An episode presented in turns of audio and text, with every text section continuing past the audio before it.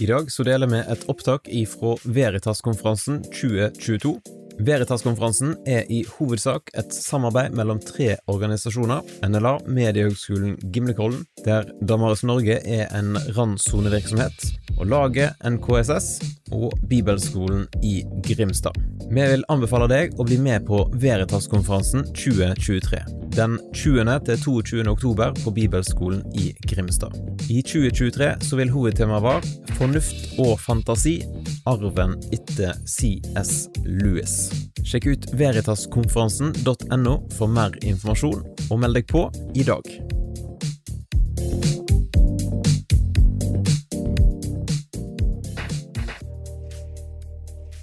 Utrolig fint at så mange ville med på dette seminaret.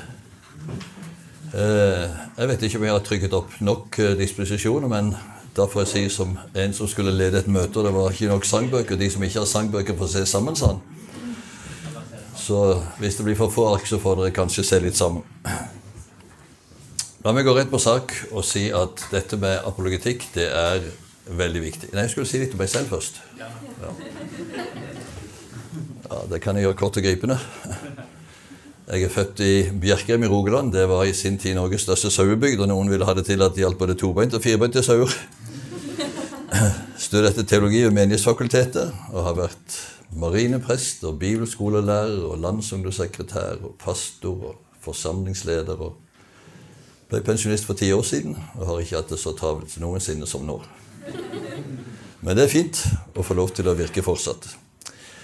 Og jeg har vært veldig opptatt av apologetikk, for i en del år så var jeg med som evangeliseringsleder i noe som het Evangelisering og menighetsvekst.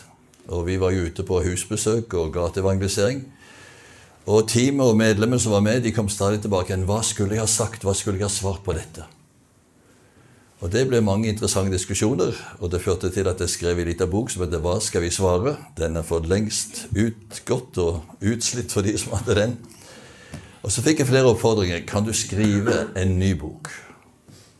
Og da jeg leste i dagen, var det vel, at laget hadde hatt en undersøkelse blant studenter Tusen stykker hadde blitt spurt, og ni av ti svarte at de holdt sin tro hemmelig på studiestedet. Da tenkte jeg kjære Gud, her må noe gjøres. Og Så satte vi ned og så skrev denne boken og tar opp da en del av de vanligste innvendingene som kommer mot troen. Og som jeg selv møtte gjennom et langt liv. For hvis vi ikke selv er overbevist om at det vi tror på, er sant, så tror ikke vi i lengden kan ha frimodighet til å bekjenne oss som kristne. Og hvis vi ikke tror det er sant, det vi tror på, så har vi også svært liten frimodighet til å gi det videre til andre. Og når en del kristne attpåtil sier at jeg tør ikke si at jeg er en kristen, for det vil se dårlig ut på min CV, kanskje jeg får ikke jobb, så er det totalt misforstått. Det er viktig å vite hva vi tror. Det er viktig å vite hvem vi tror på. Men det er også veldig viktig å vite hvorfor vi tror. For studenter og andre møter jo innvendingen ja, men dette har jo vitenskapen bevist. Eller dette er jo bare psykologisk å forklare, osv. Og, så og, og så står vi der hjelpeløst, uten våpen, uten rustning. Men vi har grunn til å forkynne med frimodighet at vi tror på Han som kaller seg selv for sannheten, og at det vi forkynner, er sant. Men la oss først starte med spørsmålet hva er apologetikk? Og Selve ordet apologetikk kommer jo fra det greske apologia, som betyr forsvarstale. Men begrepet er hentet fra rettssalen, ikke fra slagmarken. Apologtikk er altså ikke en kamp på en slagmark der man skal vise krefter og se hvem som er sterkest, men ifra en rettssal der det blir framsatt en kategoria, en anklage, og så svarer vi med en apologia, et forsvar. Og hvis ikke anklagen besvares, så er det hjemgått med at man gir motparten rett. Målet er ikke å slå ned en person, men å møte en person på en ærlig og oppriktig måte. Og En av vår tids mest fremragende apologeter, boken hans har blitt anbefalt nå i formiddag, han definerer apologetikk slik. Apologetikk er den grenen av kristen teologi som søker å begrunne den kristne troens sannheter, sannhetspåstander rasjonelt. Som resten av teologien er apologetikken et uttrykk for det å elske Gud med hele sin forstand.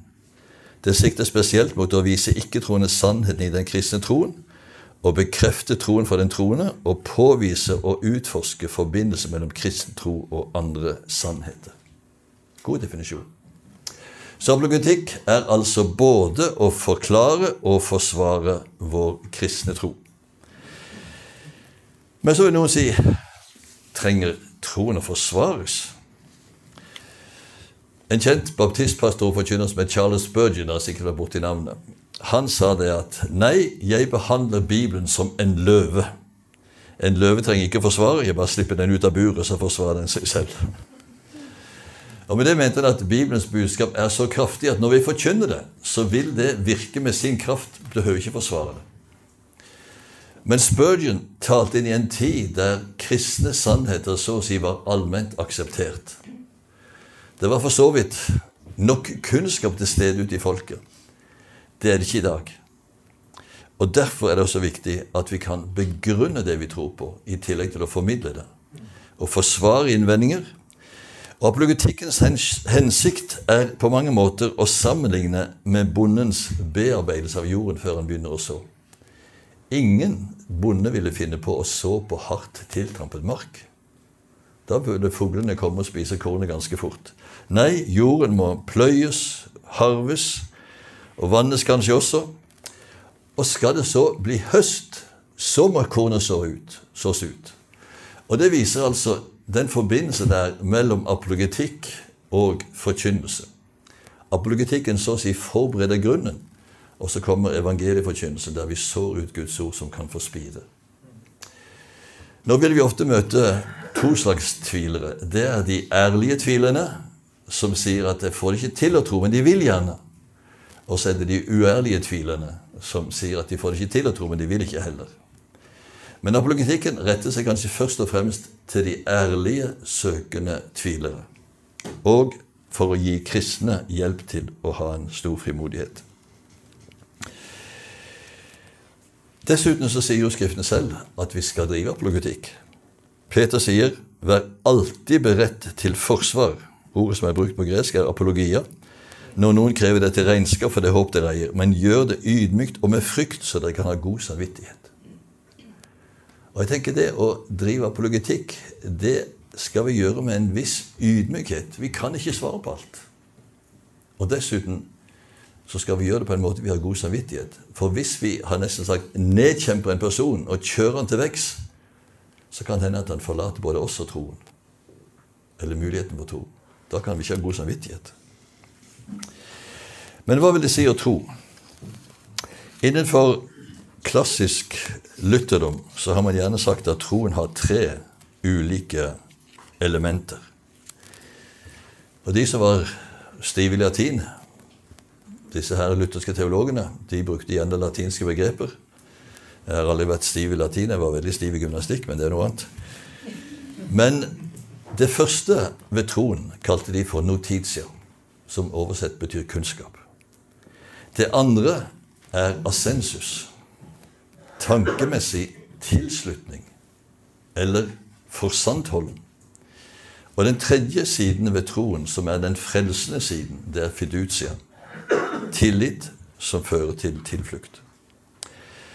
Og I vår tid så er som sagt den, kristne kunnskapen ganske så mangelfull. Før i forrige generasjoner, da jeg gikk på skole, så fikk vi en ganske god kristendomsopplæring.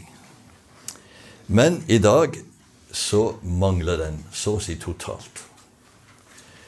Derfor var det lett hadde jeg sagt, at det kunne bli vekkelser. For veden var der, og så kom en predikant og satte fyr på veden. Men hvis det ikke er noen ved, så hjelper det lite med ild. Og Derfor er det en kunnskapsformidling også i dag som er viktig. Og det er både en utfordring og en mulighet. Utfordringen ligger jo i å formidle kunnskapen på en måte som blir forstått, og på en interessant måte. Og muligheten er jo det at folk, når de er så blanke som de er i dag, så hadde ikke alle disse motforestillingene som mange hadde tidligere. For de hadde møtt en del skal vi si, sur sørlandspietisme eller hva det måtte være, og hadde fått kristendommen langt opp i halsen. Nå kjenner de lite til det, og så er de faktisk interessert. Og jeg har funnet ut at i møte med skal vi si, sekulære mennesker som kjenner lite til Bibelen, så er fortellende forkynnelse en veldig god inngang. Jeg har skrevet denne lille boka her i møte med Jesus, som er en del eksempler på narrativ forkynnelse, der jeg forteller bibelteksten, men samtidig aktualiserer den inn i vår tid. Og det har jeg opplevd har gått inn både hos de som er lite kjent med kristen kunnskap, og ikke-kristne. Men det er først og fremst assensus, tankemessig tilslutning, at apologetikken kommer inn. Og som jeg sa, kristendommen er på mange måter på en vikende front i dag. Vi lever i den postmoderne tid. Post betyr jo etter. Den moderne tid det var en periode fra ca. 1650 til 1950. Den var kjennetegn med en optimistisk tro på menneskets fornuft. Man kunne finne sikker viten. Vitenskapen hadde gjort store fremskritt. Og det man trodde, var det som kunne bevises, forklares og forstås. Det postmoderne mennesket, derimot, de hevder det finnes ingen absolutte sannheter. Og hvilken rett har du til å hevde at du har rett og en annen tar feil? Det som er rett for deg, bør ikke nødvendigvis være rett for meg.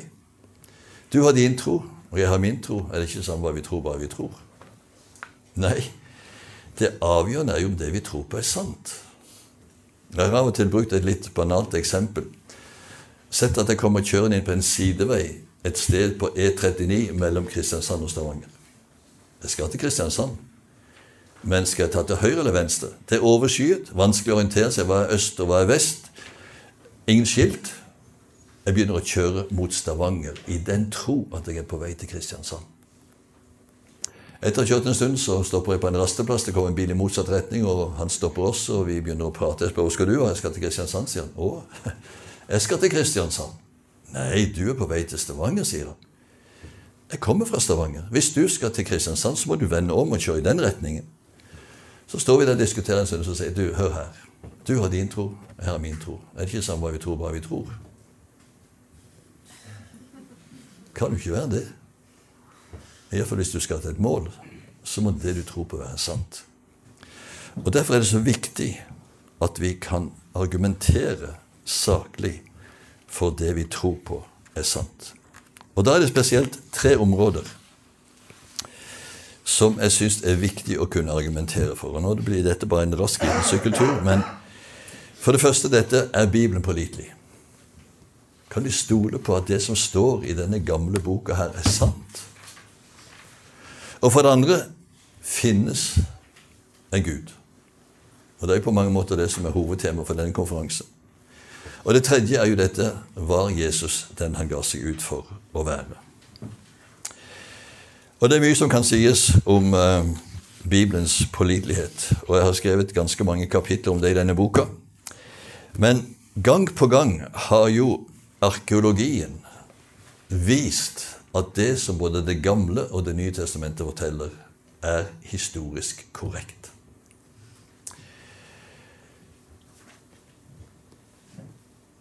Det som også er spesielt med Bibelen, er at den er så ærlig når det gjelder de historiske opplysningene. I andre kulturer så var nærmest historien og fortelleren betalt for å skryte av kongen og herskerne. Men Bibelen er hensynsløst ærlig og forteller om Noas fyllekule og Abrahams løgn og Davids fall med Betseba og Peters fornektelse av Jesus.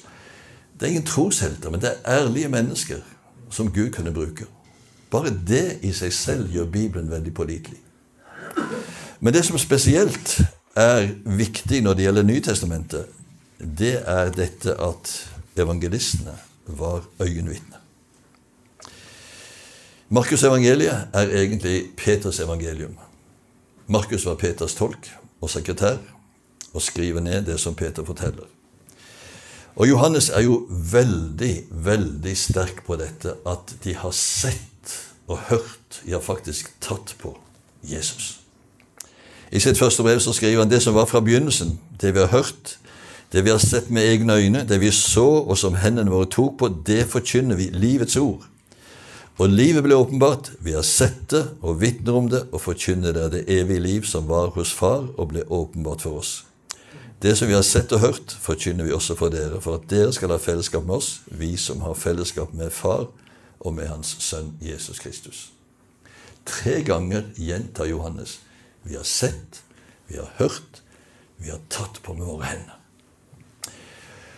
Og Peter selv han beretter for sine lesere at vi fulgte jo ikke klokt uttenkte myter da vi kunngjorde for dere vår Herre Jesu Kristi kraft da Hans komme. Nei, vi var øyenvitner og så Hans guddommelige storhet. Vi så. Og så hørte de røsten fra himmelen som sa, 'Dette er min sønn, den elskede, i ham har jeg min glede'. Vi hørte selv denne røsten fra himmelen, sier han. Og Hvis dere har lest litt nøye i Markusevangeliet, så forteller jo Markus at Peter sa det er godt at vi er her. Skal vi bygge tre hytter? En til deg og en til Moses en til Lia. Og så står det en setning som ikke står i de andre evangeliene. Han visste ikke hva han sa. Og jeg tenker Når Peter tenker tilbake på at jeg kunne si noe så dumt Bygge tre hytter til Moses, Elias og Jesus. Men de hadde sett, de hadde hørt, de visste hvem de trodde på. Så er det noen som sier ja, men disiplene var jo subjektive vitner. De var jo ikke objektive vitner. Nei, subjektive vitner er alltid øyenvitner. Øyenvitner er alltid subjektive.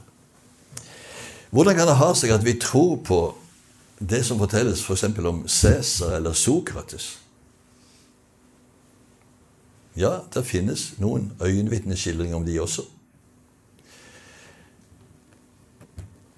Det eldste manuskriptet vi har om Cæsar, det er fra år 900. Når det gjelder evangeliene, så har vi altså fragmenter like tilbake til 125. Og når det gjelder Cæsar, så finnes det bare 9-10 eksemplarer. Når det gjelder Nytestamentet, finnes det ca. 25 000 avskrifter. Håndskrifter. Eller Sokrates han har ikke sagt et eneste ord som har blitt skrevet ned av han selv. Men Platon, hans beste elev, skrev jo hans dialoger i Kriton og Faidon. Var ikke de subjektive? Selvsagt var de det. Men de skrev ned det de så, og det de hørte. Og det har også evangelistene gjort. Ja, Men Lukas var jo ingen apostel. Han var jo ikke sammen med Jesus. Nei, Men han sier at han har satt seg fore bestemt seg for å gå nøye gjennom alt fra begynnelsen og skrive det ned i sammenheng for deg, ære Teofilus, for at du kan vite hvor pålitelig det er, det du har fått opplæring i. Og det er blitt testet historisk hvor nøyaktig Lukas er i alle sine angivelser. Selv spesfindigheter gjengir han helt historisk presis nøyaktig. Han regnes for en av de fineste historikerne i oldtiden. Det som vi altså tror og forkynner, det er at Gud selv en gang i historien, ved vår tidsregningsbegynnelse, landet i et lite land i Midtøsten som heter Israel. Og Der vandret han rundt i tre år i person Jesus Kristus og viste hvem han var og er. Og Johannes sier i sitt første kapittel, vers 18.: Ingen har noen gang sett Gud, men den enbårne som er Gud, har vist oss hvordan han er. Igjen om jeg bruker et bilde. Jeg vet ikke om dere liker Star Wars-filmer. Jeg syns det var ganske spennende i sin tid. Men finnes det liv på andre planeter, tro? I andre solsystemer? Vitenskapen har prøvd å lytte på himmelrommet med svære antenner i mange mange år. Har ikke funnet et eneste signal som tyder på eksistens. Men så leste jeg i dette her kvasivitenskapelige magasinet Illustrert vitenskap at nå har de visstnok observert at på en planet som surrer rundt den nærmeste solen i vårt solsystem, en, planet som, en sol som heter Alfa Proxima, der er det iallfall livsbetingelser Allah på jorden. Så muligens så finnes det vesen der. Problemet er bare at det ligger 4,3 lysår borte. Og det er ganske langt. For et lysår det er altså så langt som lyset går på ett år, og lyset går 300 000 km i sekundet. Men la oss nå si at de hadde funnet opp et slags romskip som kunne fly med lysets hastighet. Og etter 4,3 år så lander de altså på Kjevik. Vi reiser ut for å hilse på disse her vesenene som kommer ifra Alfa Proxima. Lurer på hvordan de ser ut. Sånn som disse rare Star Wars-figurene. Eller som oss. Vel, uansett, hvis vi hadde fått hilse på dem, snakke med dem, ta på dem, se dem med våre øyne, så ville vi kunne sagt vi vet hvordan de er, disse vesenene. Og Hvis du blir med på dette litt haltende bildet, det er faktisk det altså evangelistene forteller. Vi vet hvordan Gud er. Han har landet i vår verden. Vi har sett ham. Vi har hørt ham. Vi har tatt på ham. Hver fredag eller lørdag er det vel har Vårt Land en serie som heter Min tro. Av og til så kunne det heller hett Min vantro. Men eh, jeg leser den med stor interesse, for jeg leser dette hva er det du bygger din tro på. Og veldig ofte jeg tror, jeg antar, jeg mener, jeg føler, jeg tenker. Det er veldig subjektivt. Men Johannes sier vi vet. Dette har vi skrevet for at jeg skal forstå hvor pålitelig det er. Vi vet. Det er sant. Bibelen er pålitelig. Så er spørsmålet finnes Gud? Og da er det jo tradisjonelt tre argumenter som vi bruker for å argumentere for Guds eksistens. Det er det kosmologiske, det teleologiske argumentet og det moralske argumentet. Og Det kosmologiske argumentet går jo ut på at man observerer det som finnes i kosmos. Og Selv Bibelen regner med at universet peker utover seg selv.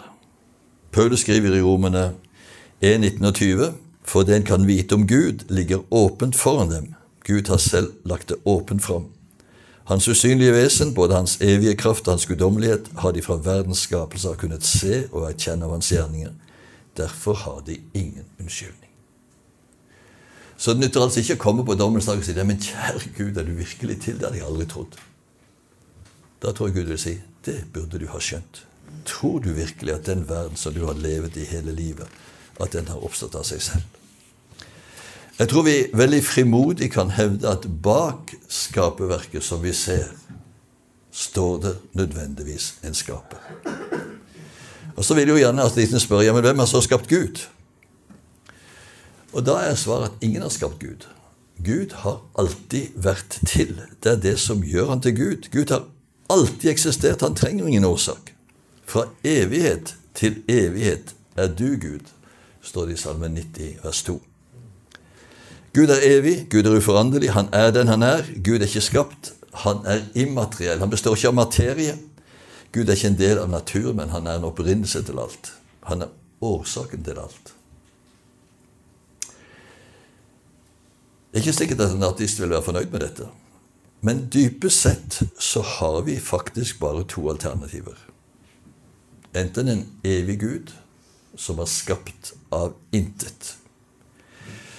Og I skapelsesberetning så brukes verbet bara, som betyr å skape på hebraisk. bara. Og det brukes da Gud skaper himmel og jord, som er altså det hebraiske uttrykket for universet. Himmel og jord. Gud skaper noe, så brukes det at han skaper liv, og så brukes det at han skaper mennesker. Og Vitenskapen har jo også eksperimentert i årevis med å prøve å skape liv. Og selv om de har de fleste grunnstoffer til stede, liv har de ikke klart å lage. Og om det nå skulle lykkes å lage liv, så vil jo det bare bevise at det må høy intelligens til for å få det til. Å tro at liv har oppstått av seg selv, ved tilfeldighet, ved tilført energi og en tilfeldig utvikling, det syns jeg det skal stor tro til. Hva er den beste forklaringen?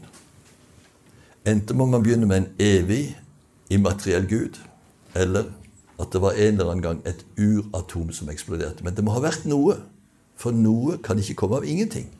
Vi må begynne med noe. Og aldri har vel en eksplosjon ført til orden. En eksplosjon fører alltid til kaos. Men hele vårt univers er jo så fantastisk fininnstilt. Og det er nettopp det teleologiske argumentet går ut på. Ikke det teologiske, men teleologiske. Teleos, teleios betyr fullkommen, moden, målrettet. Og det synes faktisk at alt det vi opplever rundt oss, det er designet. Det gjelder både mikrokosmos, og det gjelder makrokosmos. Og da er det nokså sannsynlig å tenke at bak et sånt utrolig design er det også en designer. Det var faktisk slik egentlig vitenskapen oppsto. Moderne vitenskap. De fant en del naturlover som kunne beskrives matematisk. Og da var logikken nokså nær at bak en slik logisk lov må det nødvendigvis være en lovgiver. Og da tenkte vi bak det design som vi opplever, må det være en designer. Og Nå kunne vi gått veldig inn i dypere ting, men jeg bare nevne ganske kort at vitenskapen regner også i dag med at det er en begynnelse. The Big Bang for 13,75 milliarder år siden. Men hvis ekspansjonshastigheten hadde bare vært ørlite grann sterkere eller svakere, så kunne det ikke blitt noe liv. Og her, Når jeg snakker om ørlite, så snakker vi på én på ti milliarder, eller én opphøyd i ti i sjuende. Tyngdekraften er også like fininnstilt. Hvis tyngdekraften hadde vært svakere, ville ingenting ha hengt sammen. Hvis den var sterkere, ville alt ha samlet seg i en klump. Og Hvis ikke forholdet mellom nøytronets, protonets og elektronets masse hadde vært så presis som det er, så ville ikke grunnstoffene i de forskjellige atomene i de forskjellige grunnstoffene henge sammen. Det er altså utrolig, utrolig fininnstilt. Er det pga. tilfeldigheter? Og så har vi det som vi kaller for det antropiske prinsipp. Skal liv i det hele tatt eksistere, så er det mange faktorer som må spille sammen. Og Det antropiske prinsipp kommer jo av gresk antropos, som betyr menneske. Og Det er flere forskere som mener at det må være bortimot iallfall 40 ulike faktorer som må spille sammen for at liv på jorden skal være mulig. Enkelte mener bortimot 150, men la oss iallfall si at 40 må være til stede. Og La meg bare nevne noen ganske få. Jorden befinner seg i en avstand til solen som er optimalt for oss mennesker. Hvis den hadde vært nærmere, så ville vi blitt stekt. Var den lenger borte, så vil vi ha frosset i hjel. Atmosfæren som omgir jorden, er helt avgjørende for liv. Den brenner opp alle små meteorer som kontinuerlig bombarderer oss. Og hvis atmosfæren var tynnere, så ville friksjonen vært liten, og vi vært utsatt for store ulykker. Dessuten så har atmosfæren et ozonlag som beskytter oss mot de skadelige ultrafiolette strålene, men slipper igjennom de gode. Dessuten så inneholder atmosfæren 21% oksygen, som er optimalt. Hvis det var mindre, så ville de fått pusteproblemer. For mye oksygen ville resultert i katastrofale branner. Til og med jordaksen helning synes å være designet for oss. 23 grader. Det gjør at vi får veksling mellom årstider. Hvis jordaksen var sånn, så ville det bli stadig mer og mer is ved polene, og på ekvator ville det brenne fullstendig opp. Men variasjonen pga. helningsvinkelen synes også å være designet. Månens funksjon Nå snakker jeg ikke om min egen måne. Men den befinner seg altså i 384 000 km avstand fra jorden. Og tyngdekraften gjør at vi får altså veksling mellom flo og fjære etter hvert som månen sirkulerer rundt jorden. Og det gjør at havet puster. Og dermed så tilføres planktonene oksygen, og de er igjen føde for fiskene, som er føde for oss. Hvis det ikke var en slik veksling, så ville havene bli en sump. Og så en annen underlig ting. Alle stoffer de blir tyngre jo kaldere de blir, for de trekker seg sammen. Men vannet er tyngst ved fire grader. Og da synker vannet ned mot bunnen og presser opp nytt vann. Så blir det en sirkulasjon i vannet. Ellers så ville vannene bunnfryse, og liv ville dø. Det er så utrolig mange faktorer som spiller sammen for at liv skal være mulig. En professor som heter Paul Davies, engelsk fysiker, han sier at oddsene for at 40 ulike faktorer skulle spille sammen, er som 1 til 10 opphøyd i 40. Altså et 40 nuller etterpå. Og For å vise hvor stort tall det er, så sier han det er som om en skarpskytter skulle treffe en mynt på den andre siden av universet, 20 milliarder lyser borte. Ikke særlig stor sannsynlighet. Og Når vi kommer til biologien, så ser vi også at her er det en utrolig design. Tenk på menneskets hjerne. Kanskje noe av det mest fantastiske i hele universet. En gjennomsnittshjerne veier ca. 1,5 kg. Hvis du bretter den ut, så har den et overflateareal på 0,12 kvadratmeter. Den inneholder 100 milliarder nevroner eller nerveceller. Og, hvis, og disse nevronene kan spille sammen med de andre, slik at vi får 100 billioner koblingsmuligheter. 100 billioner. Altså et tall med 12-14 nuller. Og i A-magasinets vitenskapsnummer så sto det at hver celle i vår hjerne har lagringskapasitet tilsvarende en normal PC. Så du går altså med 100 milliarder PC-er i hodet. Det er ganske bra. Hjernen har en lagringskapasitet som er 1000 ganger større enn en hvilken som helst superdatamaskin. Og lagringskapasiteten leste tilsvarer 25 millioner bøker i en bokhylle som er 800 km lang. Har det blitt til ved tilfeldighet?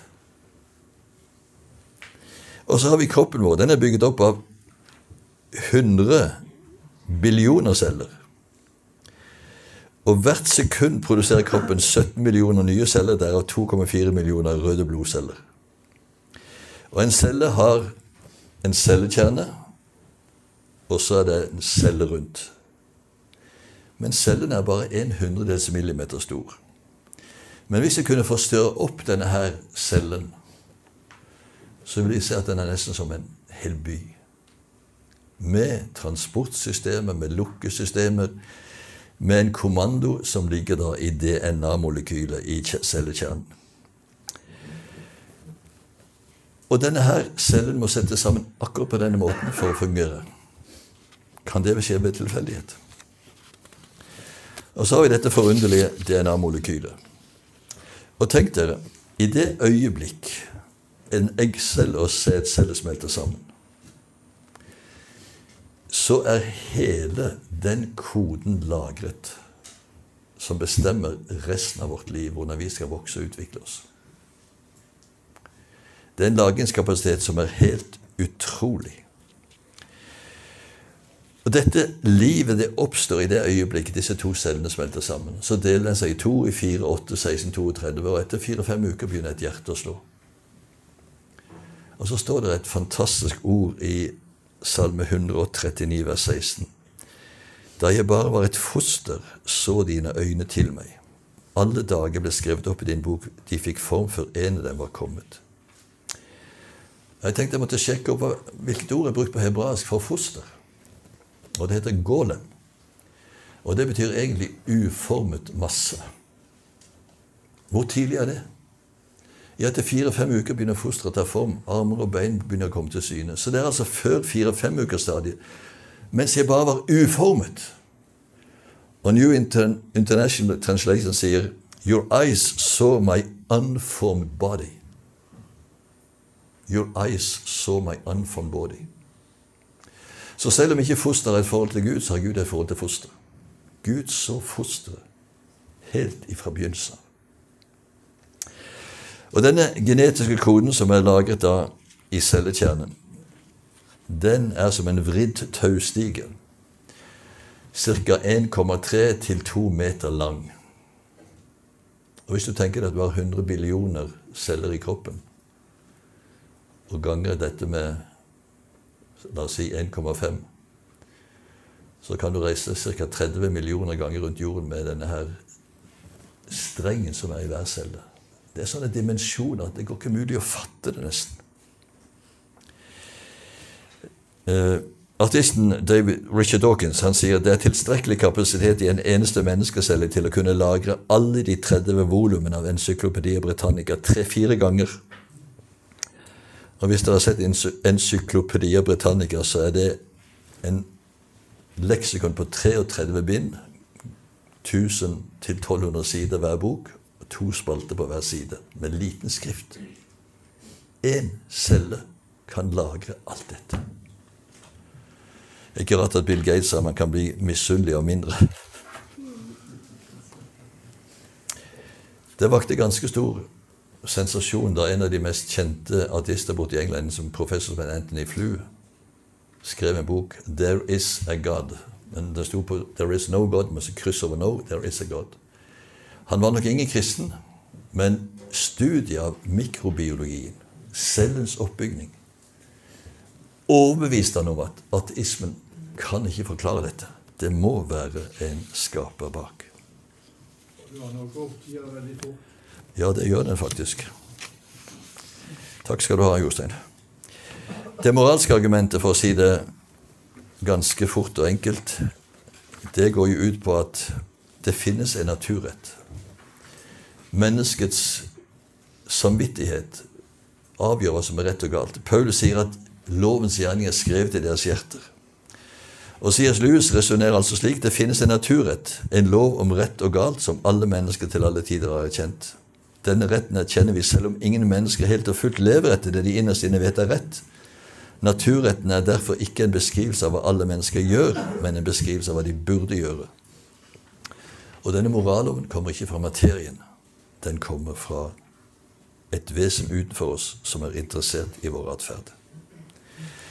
Og det siste som jo er avgjørende viktig å kunne argumentere for, det er jo dette om Jesus virkelig var den han ga seg ut for å være. Han handlet som Gud, han talte som Gud, han satte sine ord på linje med Guds ord. Han kalte seg selv for Sannheten. Kan de tro det? Ja, det er vel egentlig bare tre andre muligheter. Enten var han en svindler, en bedrager, en som spekulerte i folkets messiasforventning. Men er det noe ved Jesu liv som tyder på at han var en bedrager? Han har gitt oss bergprekenen, som er det mest høyverdige moralske som finnes. Og han levde selv etter den. Ja, kanskje var han sinnsforvirret. Det klikket for ham. Trodde han var Gud. Men de som har undersøkt Jesus rent sånn psykologisk, sier at han må ha vært optimalt sunne menneske. Ja, men da er sikkert evangeliene bare eventyr og legender og myter. Markus' evangeliet blir antageligvis skrevet 20 år etter Jesu døde oppstandelse. På 20 år kan du ikke danne myter. Det finnes en del myter og legender om kong Olav den hellige, men de ble skrevet 150-200 år etter han var død. Da kan du danne legender. Da står vi igjen faktisk med at Jesus talte sant om seg selv. Og det beviste han egentlig ved sin oppstandelse fra de døde. Og Det er også forsøkt på flere bortforklaringer der. At kvinnene kom til feil grav, at disiplene stjal Jesu legeme mens en sov. Den syns jeg jo er veldig tynn. Hvordan kunne vaktmennene vite hva som skjedde hvis de sov? Eller at prestene fjernet liket. Da måtte de vist fram liket når Peter står og forkynner at han som dere korsfestet, at Gud reiste opp fra de døde. Eller som noen har forsøkt seg på at Jesus var bare skinndød. Men ingen har overlevd en romersk korsfestelse. Og skulle han på gjennom både føtter og hender velte bort en tre til fem tonns tung stein og gå inn til byen en halv kilometer og få disiplene tror at han hadde seiret over døden? Å nei. Eller at de hadde hallusinasjoner. Rart at så mange, opptil 500, hadde hallusinasjoner bare i 40 dager. Ja, så løy disiplene da for å redde sin egen ære. Men alle gikk i døden fordi de forkynte var sant. Og Så kommer Paulus da i 1. Korintene 15 med en rekke vitner. Først Peter, så de tolv. Mer enn 500 søsken på en gang. Underforstått, spør de selv, så skal de få høre. De fleste lever ennå. Og så er det Jakob, Jesu halvbror, som kanskje er det beste vitnet.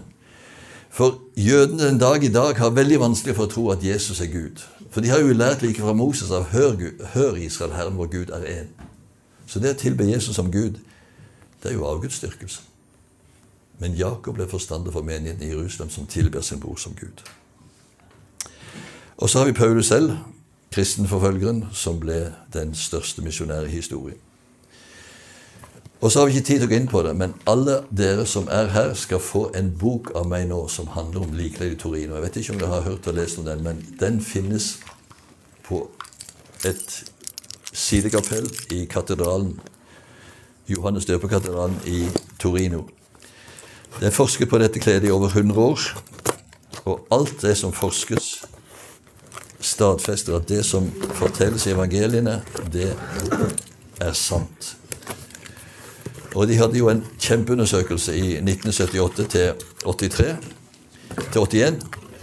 Og der var det 400 vitenskapsmenn og -kvinner som jobbet i tre år med å undersøke dette kledet. Og de hadde en stor pressekonferanse der en av journalistene spurte hadde funnet noe som motsier det Bibelen forteller. Og da var det svar ingenting. Alt stemmer. Les om det i denne boken. Så helt til slutt. Det avgjørende for troen er ikke om vi har kunnskap og holder det for sant. Som hun nevnte, Marianne, også de onde ånder tror at Gud finnes, og de skjelver. Men tro, det er tillit som fører til tilflukt.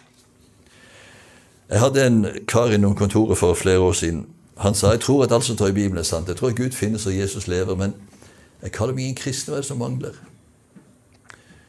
Og Da brukte jeg et bilde at sett at du skulle reise til Oslo. Gå ned på stasjonen, kjøpe en billett, betale, gå ut på perrongen, der står toget. Du tror at det går til Oslo, men du stiger ikke på. Kommer du da til Oslo? Nei, selvsagt ikke, sa han. Det er det som mangler. Det er forskjell på å tro at og tro på. Du må stige på toget. Jesus er det eneste tog som kommer til himmelen. Nå skjønner det, sa han. Tre uker etterpå kom han tilbake igjen for å gå på dette toget. Og det var godt for tre måneder siden døde han av kreft. Det finnes to synonyme uttrykk for å tro. Det ene er å komme til Jesus. Jesus sier han er livets brød. Den som kommer til meg, skal ikke hungre. Den som tror på meg, skal aldri noensinne tørste. Og det er å ta imot han. Alle de som tok imot han, dem ga han rett til å bli Guds barn. Og vi tar imot Jesus ved å bekjenne våre synder og be han komme inn i våre liv. Og Det er det fantastiske budskapet vi har å forkynne. At Jesus lever. Han er oppstått. Og Det betyr at døden er ikke det siste vi mennesker skal møte. Jesus er den siste. Når han kommer igjen, skal hvert kne bøyes. I himmelen, på jorden, under jorden. Og hver tunge bekjenne til Gud Faders Herre, Jesus Kristus er Herre. Og hvordan vårt knefall blir den dagen, det avgjør vi her. Ja, nå skulle vi ha tid til spørsmål. To, to minutter. Er noen som sitter nå og brenner med noe i full fart? Vi skal jo ha en nettverkssamling også senere, og her blir det anledning både til å stille spørsmål og til å komme med Ja? Disse her 40 eh, forskjellige grunner, eller 150 sa du, som, som vi hadde funnet til hvorfor jorda er fininnstilt. Hvor kan man finne og lese på det?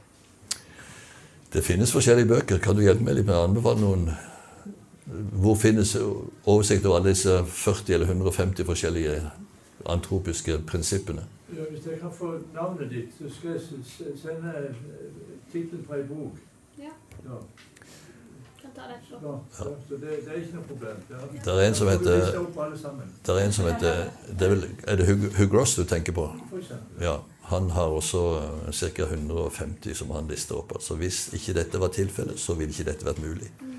Og det er jo helt utrolig.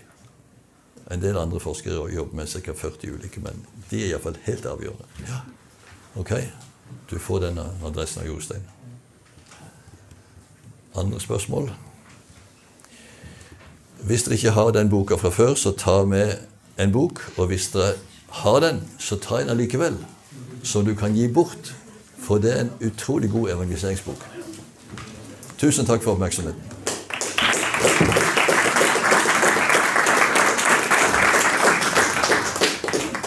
Ja, jeg lovte forresten uh, han uh, Hinderaker at jeg skulle nevne disse tre bøkene her. 'Møte med Jesus', bok om helbredelse og dette om etterfølgelse. Det er noe av det som Marianne snakket om, hvor viktig det er at vi lever kristenlivet i hverdagen. Ikke bare passiv tror gjemmer oss, men at vi lever et liv i etterfølgelse. Takk for nå. Vi ses på nettverket.